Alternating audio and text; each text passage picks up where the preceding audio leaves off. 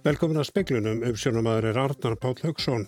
Átta hafi verið handteknir í tengslu við morðið í Rauðagerði Reykjavík um síðustu helgi, fjórir voru handteknir í dag. Laurugla kannar hvort mögulega hafi fleirin einn verið að verki.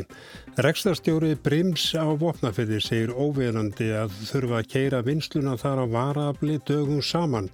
Raflínan til Vopnafjörðari bíla er rétt fyrir helgi en er nú komin í lag.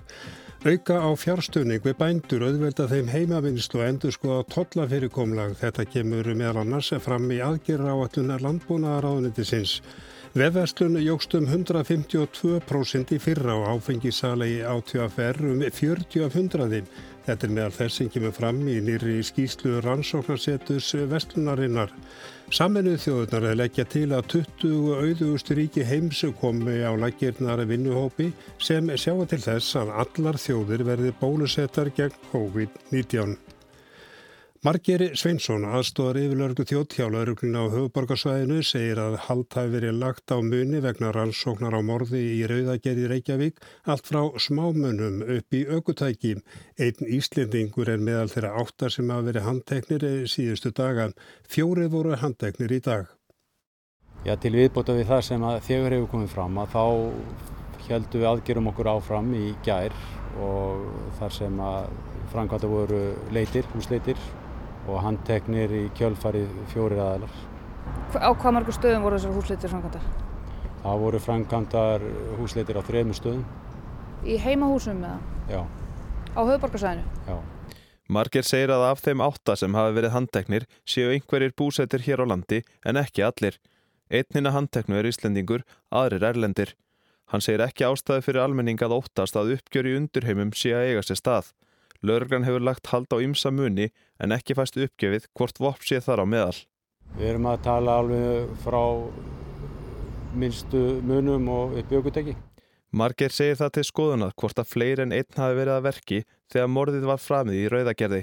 Það er bara eitt af því sem við erum að skoða og, og þetta er umfómsmikil rannsók og eh, eins og sjáum á við erum að skoða núna með kröfu á, af þremur til viðbútar og þar sem við erum og rannsóknum miðar að því að skoða þátt hvers og eins þannig að við útilókum það ekki neitt.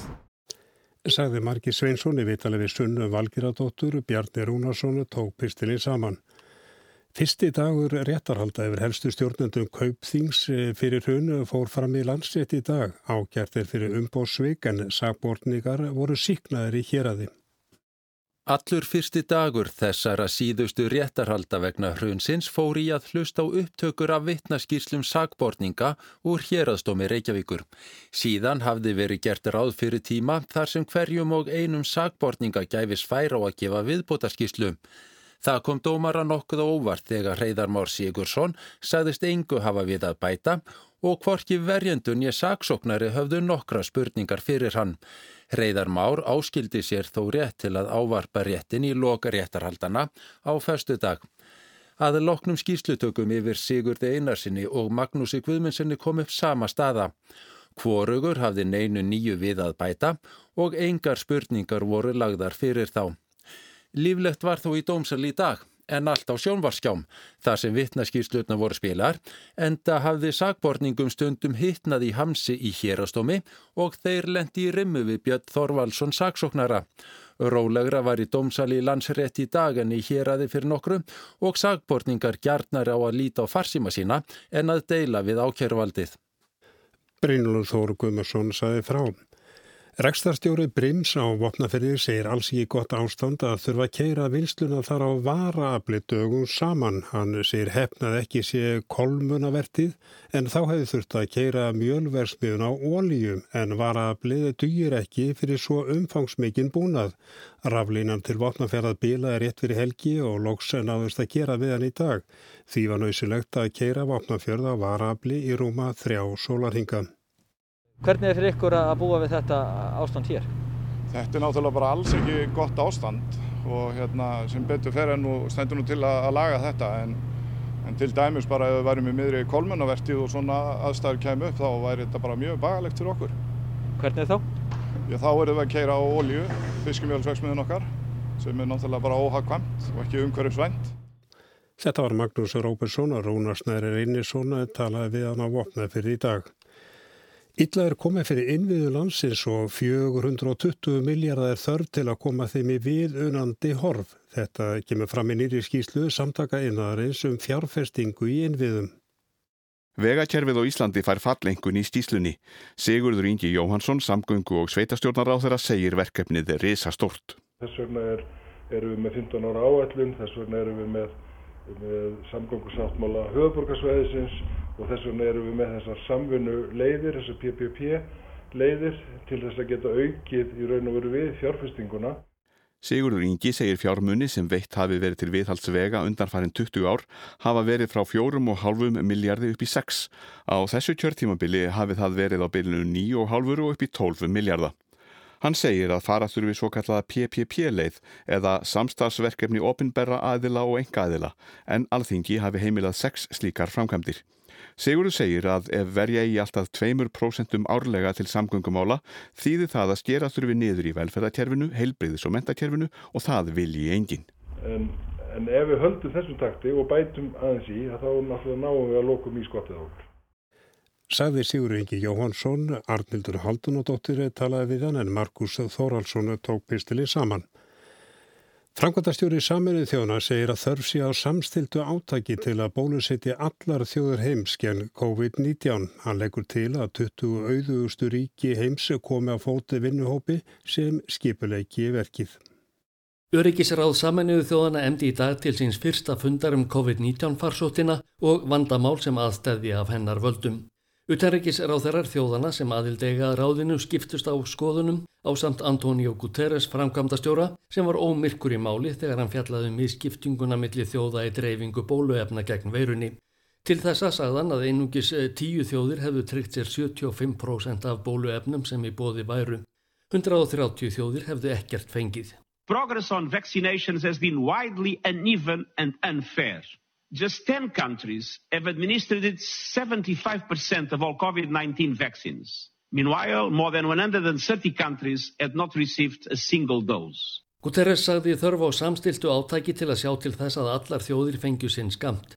Ella væri hætta á að farsóttin blossaði upp aftur og aftur.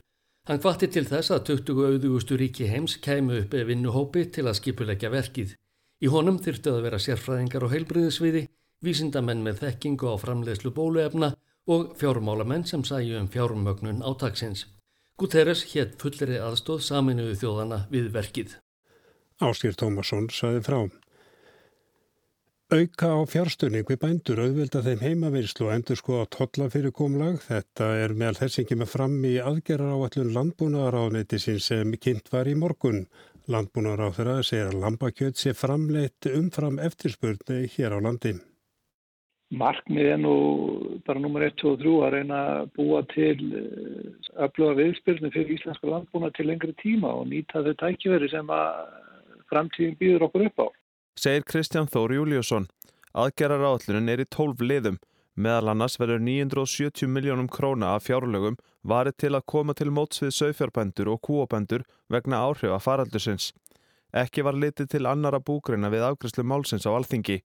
Kristján Þór segir að þessar greinar hafi orðið fyrir miklum búsifjum vegna faraldusins. Það má alltaf deila um það hversu miklu en það er óumdelt að þegar að hverfa 2 miljónir ferðamanna út af íslensku markaði þá hefur það ónættalega áhrif hvort ekki á lambakjöt, framveðslilandin og nautakjöt og aðra kjötgreinur og eftir aðtökun að natinni.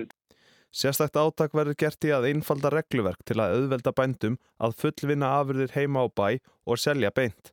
Afurðaverð til sögfjárbænda hefur lengi verið þrætu eppli og sögfjárbændur hafa kvartað sáran yfir því að það sé of látt. Grunnurinn í þessu sko, sem að endur smeglast ágitlega í þessu er það að við erum að framlega meira heldur en eftirspurnin er. Það er alveg klart mál. Það er uh, stór hluti vandans, það, það er bara þannig. Saði Kristján Þóri Júliusson að Bjarni Rúnarsson tók saman.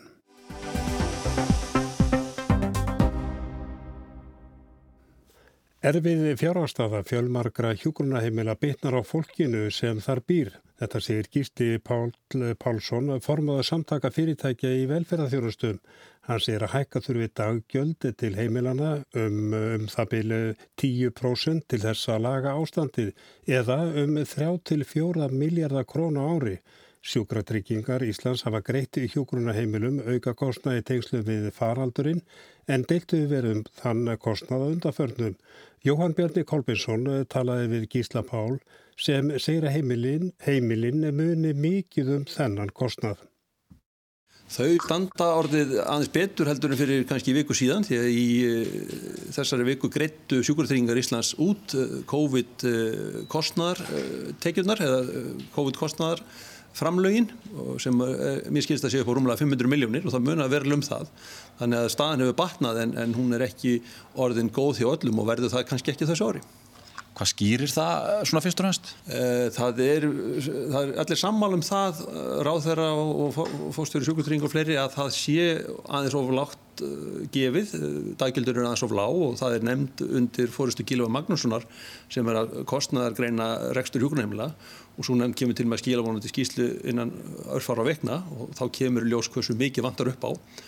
Og svo er náttúrulega eins og gengur gerist er reksturinn misjafn milli heimila, það er ekkit allir nákvæmlega eins þannig að þó tekið það séu eins þá er kannski kostnæðan aðeins misjafn Hvaða kostnæður er, er til dæmis misjafn, getur þú nefnt dæmið um það? Já, það er nú launakostnæðurinn sem er nú 80% af rekstarkostnæði hjúgrunarheimila hann er aðeins misjafn milli heimila bæði eru kjara samningar aðeins breytilegir á milli eru um að ræða sjálfsegnarstofnun eða sveitafélagheimili og svo er mönnun mismunandi aðeins milli heimila líka bæði kannski fjöldi starfsmanna og svo hversu hátt hlutall er fagmentaður á móti þeim sem er ekki fagmentaður. Það auðvitað hefur það áhrif. Vantar mikið upp á daggjöldin? Nei, ég er nú í þessari ágættu gilfa nefnd og hef nú einhverjar svona einherja upplýsingar um það en, en það, þetta, er ekki, þetta er ekki mjög mörg prósent en, en ég veit ekki, það er óbyrgt að giska kannski á það en, en eitthvað starf á milli 8 og 14-16% ég, ég get ekki alveg sagt til það en það, það vantar, vantar aðeins upp á það, já Hafið þið reiknað út hvað það myndi kosta hefð ofinbera á ári að kipja sér liðin? Uh, nei, en uh, útgjöldin er millir 30 og 35 miljardar þannig að 10% hækkun því 3-3,5 miljardur þetta eru kannski engar svakalegar tölur finnst okkur en, en auðvitað þegar það er þröngt í búi eins og hjá ríkin í dag þá hérna, skil ég það það sé kannski ekki auðvelt að hækka fjármlegu en, en síðastliðin fjögur ár hefur verið niðurskurðar krafa frá ríkinu upp á hálfprósent á hjókunarheimlinn og við höfum ekki fengið eins og sjá útreikninga síðast ás hvernig, hvernig launabreitingar voru reknaðar út og, og við vorum kannski ekki alveg sammála því hvernig það voru reknaðar út en við fáum ekki svona vita hvernig það eru reknaðar Það að einhver hjúkunarheimili séu illa stödd fjárhagslega bitnar það einhver tíman á, á heimilisfólki heldur?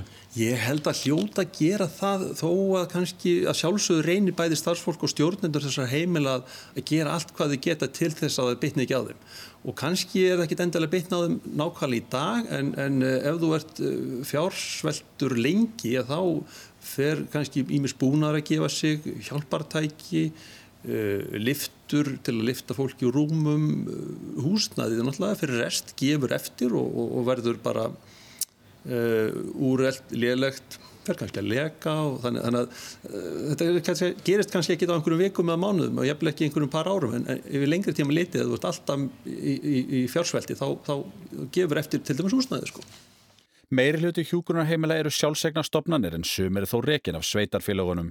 Nokkur sveitarfélög hafa þurft að greiða með þeim á undanförnum misserum og við það eru þau ekki sátt. Forsvarsmenn sveitarfélagana, bæjastjórur og bæjastjórnir hafa ákveðið að skila rekstrinu til ríkisins því að þau hafa verið að greiða með rekstrinum undanfærin ár mismikla fjárhæðir náttúrulega og uh, þetta verkefni er á lögformlegu forræði ríkisins og ábyrð ríkisins þannig að sveitafélagunum finnst sko eðlilega ekki sangjant að vera að borga peninga út úr sveitarsjóði til þess að borga eða niðurgreiða þá sem að, það sem að ríki ætti að greiða.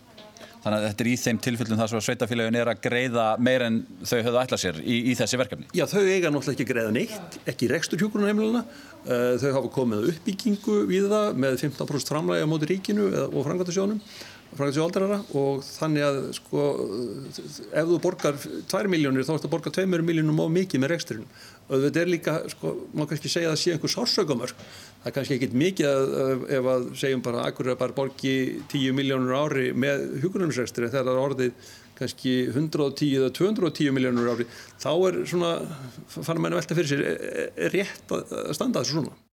En hvers vegna ferða svo að sveitarfélagin þurfa að greiða með rekstrinum? Það er bara einhver ber ábyrð á rekstrinum og, og það eru sveitafélagin sem ber ábyrð þessum rekstri. Og í þessum tilfellum ef að sveitafélagin hefði ekki látið fjármagnin í þetta þá hefði bara vantarlega ekki verið greit út laun og fólk hefði bara neitað að vinna og, og farið og, og fólkið, heimilsfólkið hefur setið eitt eftir og það er náttúrulega engin sveitastjórnamaður og engin bara venjulegur, almennlegur maður myndi skilja fólk eftir sko. Þannig að þessum tilfellum eru sveitufélagin að segja hingað ekki lengra, ríki gjur þessu vel, hér er hjókunarheimilið. Já og, og það er það sem er að gerast núna með Akureyri, tvö heimil á Akureyri, það er á, á Forskursfyrði og Eskifyrði og Vestmannegum og Höfni Hodnafyrði og þetta gerist núna 1. apríl og 1. mæ, ég man ekki alveg hvaða heimil er hvar. Er, er þetta ekki slæmt að þetta skulle gerast? Jú, auðvitað er þetta slæmt að það er æskilegast að þetta haldi áfram bara með svipuðu móti en ef að það er einhver sem að treysti sér til þess að reka þessi heimili fyrir þessar tekjur sem að ríki er, þessi daggjöld sem ríki er að greiða í dag með sambarilegri þjónustu og, og greiða sveitafélagunum húsalegu fyrir húsnaði sem sveitafélagin eiga og að þá er það náttúrulega bara gott máli ef einhver er svona svakalega og góður ekstaramæður og vonandi er hann til en ég, ég sé það ekki fyrir mér. Þannig að svona stuttumáli, svona helsti, helsti vandin á hjókunarheimilum það, það þarf að hækka daggjöldin og, og það er viljið til þess, ekki sett. Hvernig svona erstu bjart að það muni gerast?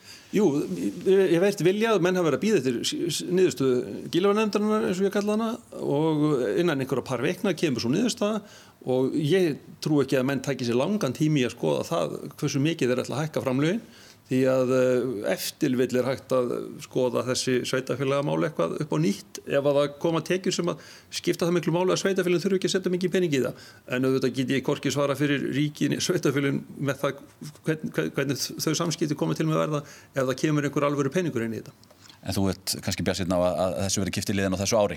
Já, ég, ég, það er eiginlega ekkit annað í bóði því að uh, eh, daggjöldunum sem eru í dag, þau koma ekki til með að standa undir ekstri heimilina, auðvitað er einhver heimilit kannski teljend og fingur um annar handar af þessum 40 og 244 heimilum sem eru rétti með við nullið og fyrir einhver ástæður og sem er náttúrulega gott mál. En, en 80-90% heimilunum voru reygin með, með halla síðustu 2-3 ár. Þannig að megin þorri heimila er reygin með halla, ekki öll þannig að það, það hlýtur að þurfa að færa, færa meðaltalið aðeins, aðeins upp varandi tekjundar sko. Þetta var Gísli Páll Pálsson og það var Jóhann Bjarni Kolbínsson sem að talaði við hann.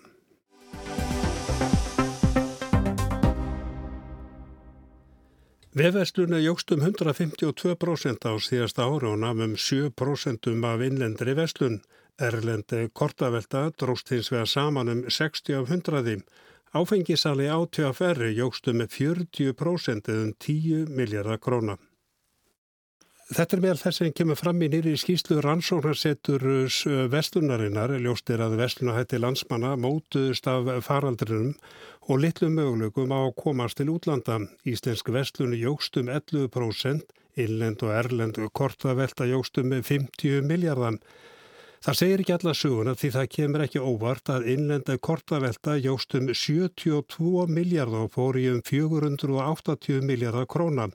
Erlenda kortaveltan dróst hins vegar saman um 60%, nami krónuntaliði 14,5 miljardum og mingaðu með 22 miljardar. Heildarvelta vestlunarinnar hér á landi jógst um 18% milli ára samanborið við 12% árið og undan. Hefbundin vestlun eigst um 1300 á sama tíma og vefvestlunin eigst um 152%. 2019 jógstunum með 26% sem þótti þá talsvert mikið. Framkemur að þó að við höfum keift meira innanlands í fyrra hafi neysluhegðun okkar ekki breysti mikið milli ára. Hlutur áfengiskaupa varum 700 en langstæsti hlutin tengdist stórmörkuðunum eða 43%. Áfengiskaupi á TFR jökust um 40% um 10 miljardar krónan. Rannsónar setur vestlunarinnar bendir á að þessu aukningu megi að hluta til reykja til þess að skemmtistaðar og barir voru meira á minna lokaðir, sára lítileg tóttfrjáls vestlun og nánast engar auðalansferðir. Þá jógstu vestlun í Íþróttavestlunum um 49% um röska 2 miljardar krónan. Þetta Blóminstein er fórstofum að rannsónasetturs vestlunarinnar, kontur sæl. E, kemur eitthvað í þessari skýslu ykkar þér verulega óvart? Um, nei, það kemur nú kannski ekki mikið á óvart. Það er aðalega ánægilegt að sjá að Íslensk vestlun er að blómstra og að það eigi við um alla vöruflokka og e, eins og þú nefnir með Íþrótavöruverslun að það er ánægilegt að sjá að þrátt fyrir að líkansrættastöðvar og og Íþrótafélög hafi lokað að þá letu Íslendingar það ekki e, láta sig á fá og held áfram hugsa um andlega og líkamlega heil, heilsu. Þannig að það er ánægilegt, það er mikið af ánægilegum sagt, e, teiknum í þessum tölum. En er ekki þetta að segja að já, Vestlunahættur okkar hafi mjög mótast e, af veru COVID-19 í fyrra?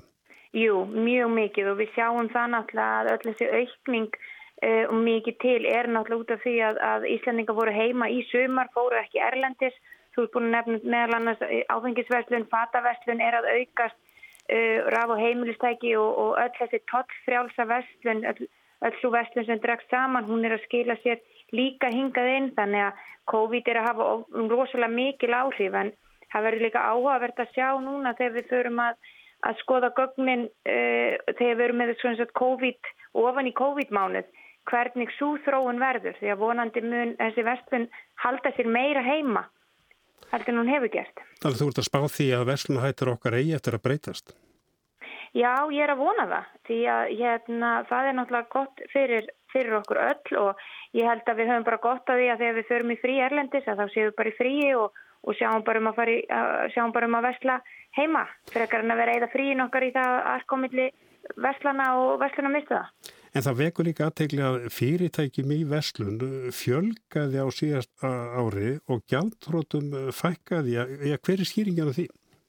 Já, það er mjög góð spurning og hérna, þetta er heimil frá hagstofinni og, og hérna gögg sem við fáum frá þeim en allir það sé ekki bara það var margir sem að stöku til og, og þurftu að, að finna sér kannski nýjan farveg og fólk var að missa vinnuna þannig að það voru fyrirtæki að opna og vestlanir að opna og annað þannig að ég held að þetta síni bara svolítið segluna í okkur íslendingum að, að, að láta ekki degan síga og nýta tækifærin sem að koma því að það sköpjast náttúrulega ímist tækifæri í COVID líka.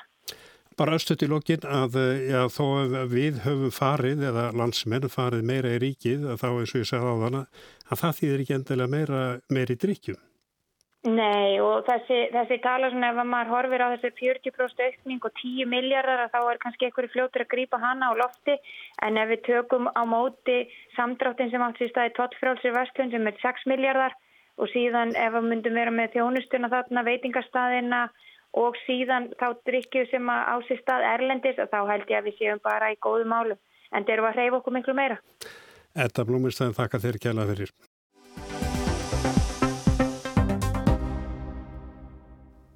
Nattvæðingin til dæmis vörur voru búna til með hlutum frá mörgum heimshornum og seldar í öðrum hefur verið ríkjandi stefna frá því að heimurinn tók að jafna sig eftir síðari heimstyrjöldina. Upp úr tíunda áratögnum var farið að tala um ofur nattvæðingum. Eftir fjármála remmingarnar 2008 var við að setja spurningamerki við þessa framvindu. Veirufaraldurinn hefur ennfrekar ítt undir í tortrygni á gildi nattvæðingar. Undanfarna áratýji hafa gallabugsur verið fastur liður í fataskápum um víða veröld. Fyrir 50 árum voru gallabugsur í búð í Reykjavík, hugsanlega saumaðar á íslenskri saumastofu, þó efnið, tvinnin, rennilásin og smellurnar kemur erlendis frá. Sama var með gallabugsur í Árósum eða Liverpool. Núna eru gallabugsurnar í búðum á Vestulöndum líklega frekar framleitar í til dæmis Vietnám, úr efni frá Indlandi með rennilás og smellum frá Kína. Framlegslu keðjan þræðir sig um mörg lönd. Eitt af því sem veirufaraldurinn hefur gert er að stöðva þessar framlegslu keðjur. Allt þetta tilurðarferðli gallabugsna endur tekur sig í framlegslu á stórum hluta þeirra vara sem til dæmis Evrópubúar hafa úr að velja. Dani Rodrik er tyrkneskur hagfræðingur sem starfar við Harvard-háskóla. Spurningin hefur nattvæðingin gengið á lánt var titillin á bókans 1997. Að mörguleiti já var þá þegar svar Rodriks. Hann benti á tókstreitu sem hefði skapast líkt og hann lísti í fyrirlestri 2018. Uh, this has created a lot of tensions, um, tensions between the winners and the losers. Tókstreitu millir þeirra sem bera mikið úr bítum í nattvæðingunni og hinna sem hafa tapað. Þeir sem hagnast á nattvæðingunni eru stórfyrirtæki, fjármálafyrirtæki og stórir fjárfestar. Þeir sem er ekki þessum flöymi, töpuðu, þeir sem eru staðbundnir og já, þeir sem mistu góð störf sem nú eru unnin í fjarlægum heimslutum. Þessi tókstreita kom glöggli í ljós í kjálfar fjármálarhemmingana 2008, eiginlega fyrsta áfall nattvæðingar framvindunar. Remmingarnar hægðu á því sem Rodrik var farin að kalla ofur nattvæðingu. Það var þó lítið gert til að jafna leikin, draga úr tókstreitunni, nema populísku lovorðin í bresku þjóðratkvæðgreðslunni 2016 og kjöri Donald Trump sama ár, sem beindust að þeim sem hefðu tapað á nattvæðingunni, þeim sem fannst þeir vera út undan. Það sem Rodrik hefur haft áhyggjur af er populismi sem grefur undan undirstöðum líðræðis eins og þrískiptingu valds og frjálsri fjölmiðlun en býður í raun ekki bá lausnir fyrir hópa sem telja sig jaðarsetta í þjóðfélaginu. Veirufaraldurinn nú er roknahögg fyrir nattvæðingu, einfallega af því lokun landamæra, lokun vinnustada og eftirspurt sem hefur hrunið hefur skorið á þessar alþjóðlegu framleiðslukeðjur sem vinda sig um mörg lönd. Í staðin fyrir spáðan hagvöxt alls heimsins 2020 upp á 3,5% stefnir nú í samdrátt upp á tæp 5% byrtingarmynd reykalegra reyfinga. Í fyrirlestri síðastlið sumar nýtti Rodrik á að veirufaraldurinn myndi enn styrkja þessa þróun nattvæðingarnar sem var þegar byrjuð það er hæja enn frekar á henni en eitt dæmið um hvernig COVID-19 ítir undir hraðar þróun sem var þegar sínileg. Hluti nattvæðingarvandans eða hliðar áhrif nattvæðingar hefur verið að góð stöðug störf hafa horfið, störf í skjóli réttinda og samningsstöðu hafa horfið. Í þeirra stað gefast óstöðug störf með lítir réttindi og lélega samningsstöðu þeirra sem sinna þessum störfum sem hefur ennfrekar ítt undir tilfinninguna af áhrifaleysi á jæðri samfélagsins. Rodrik bendir á hvernig velferðastefna í Evrópu eftir stríð og svo kallar New Deal í bandaríkjónum urði undirstaða hagvakstur og velmegunar á sínum tíma. Stefna sem byggðist á mentun og öryggisneti fyrir þá sem stóðu höllum fæti en nú þarf meira til. Basically thinking about our problem uh, from this perspective of good jobs and good jobs externalities to a large extent joins the social and economic agenda. Með því að leggja áherslu á góðstörf þá er verið að tengja félagsleg og hagfræðileg sjónarmið, segir Rodrik. Hann talar um að til að taka á ójöfnuði þurfi að miða á að skapa góðstörf, styrkja vinnurétt og vinnulögjöf í viðbútt við hefðbundna yðnaðarstefnu. Rodrik er ekki einn um að beina sjónum að bæði efnahags- og félagslegum þáttum sama til dæmis í skýrslu OECD 2019 um framtíð vinnu Það er verð að huga að því að búa til staðbundnari framlegslu, færa störfin heim. Eitt vandin er að í Kína getur við hafkvæmt að hafa fólk í störfum sem til dæmis í bandaríkjónu væri hægt að gera velræn. Engar einfaldar löstnir í þessum efnum en það að skilgreina og viðurkenna vandan er þó skref í átt að löst. Sigrún Davistóttir saði frá og það verður áframhægur vindur á morgun og lítilsáttar skúrir eða jélvestandil en þurft að kalla eftir hátegi. Híti 0-5 stig að deginum en vægt frost fyrir norðan. En við sögum frá því speiklunum meðal annars að átt að veri handteknir í tengslu við morði í Rauðagerði í Reykjavíkum síðustu helgi. Fjórir voru handteknir í dag. Rekstrastjóri Brims á Vopnafyrir segir óviðrandi að þurfa að keira vinsluna þar á varaafli dögum saman Raflínan til vopnafjörðað bila er rétt fyrir helgi en er komið þó í lag. Auka á fjárstunning við bændur og auðvelda þeim heimavinnslu og endur skoða tollafyrirkomlag þetta kemur meðal annars fram í aðgerra á allum landbúnaðaraðvindisins sem kynnt var í dag. Og vefvestlunni jógst um 152% í fyrra og áfengisali átvjaf um 40 af 100 og þetta er meðal annars með, meðal þess sem að kemur fram í nýri skýslu rannsóknarsétus vestlunarinnar. Samennu þjóðurnar leggja til að 20 auðugustu ríki heims komi á lakirnar vinnuhópi sem sjá til þess að alla þjóður verði bólusettar gegn COVID-19. En það er ekki fleira í speklunum í kvöld og tæknumar var Jón Þór Helgarsson með því sæl.